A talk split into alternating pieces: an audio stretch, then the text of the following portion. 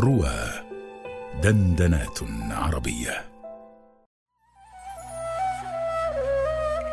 عطائيات مع طه الصوري على رواه.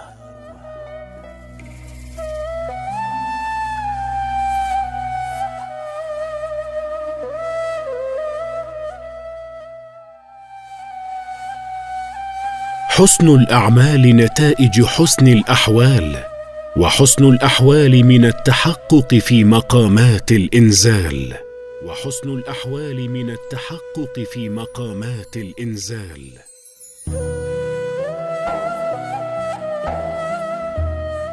يعني أن الأعمال الحسنة إنما هي نتائج الأحوال الحسنة القائمة بالقلب من الزهد في الدنيا والإخلاص لله تعالى لا لطلب حظ عاجل ولا ثواب آجل وحسن الأحوال ناشئ من التحقق أي التمكن في مقامات الإنزال أي في المقامات التي تنزل في قلوب العارفين وهي كناية عن المعارف الإلهية التي يوردها الله تعالى على قلوبهم فتكون سببا في رفع الدعوة وعدم التعلق بغير المولى.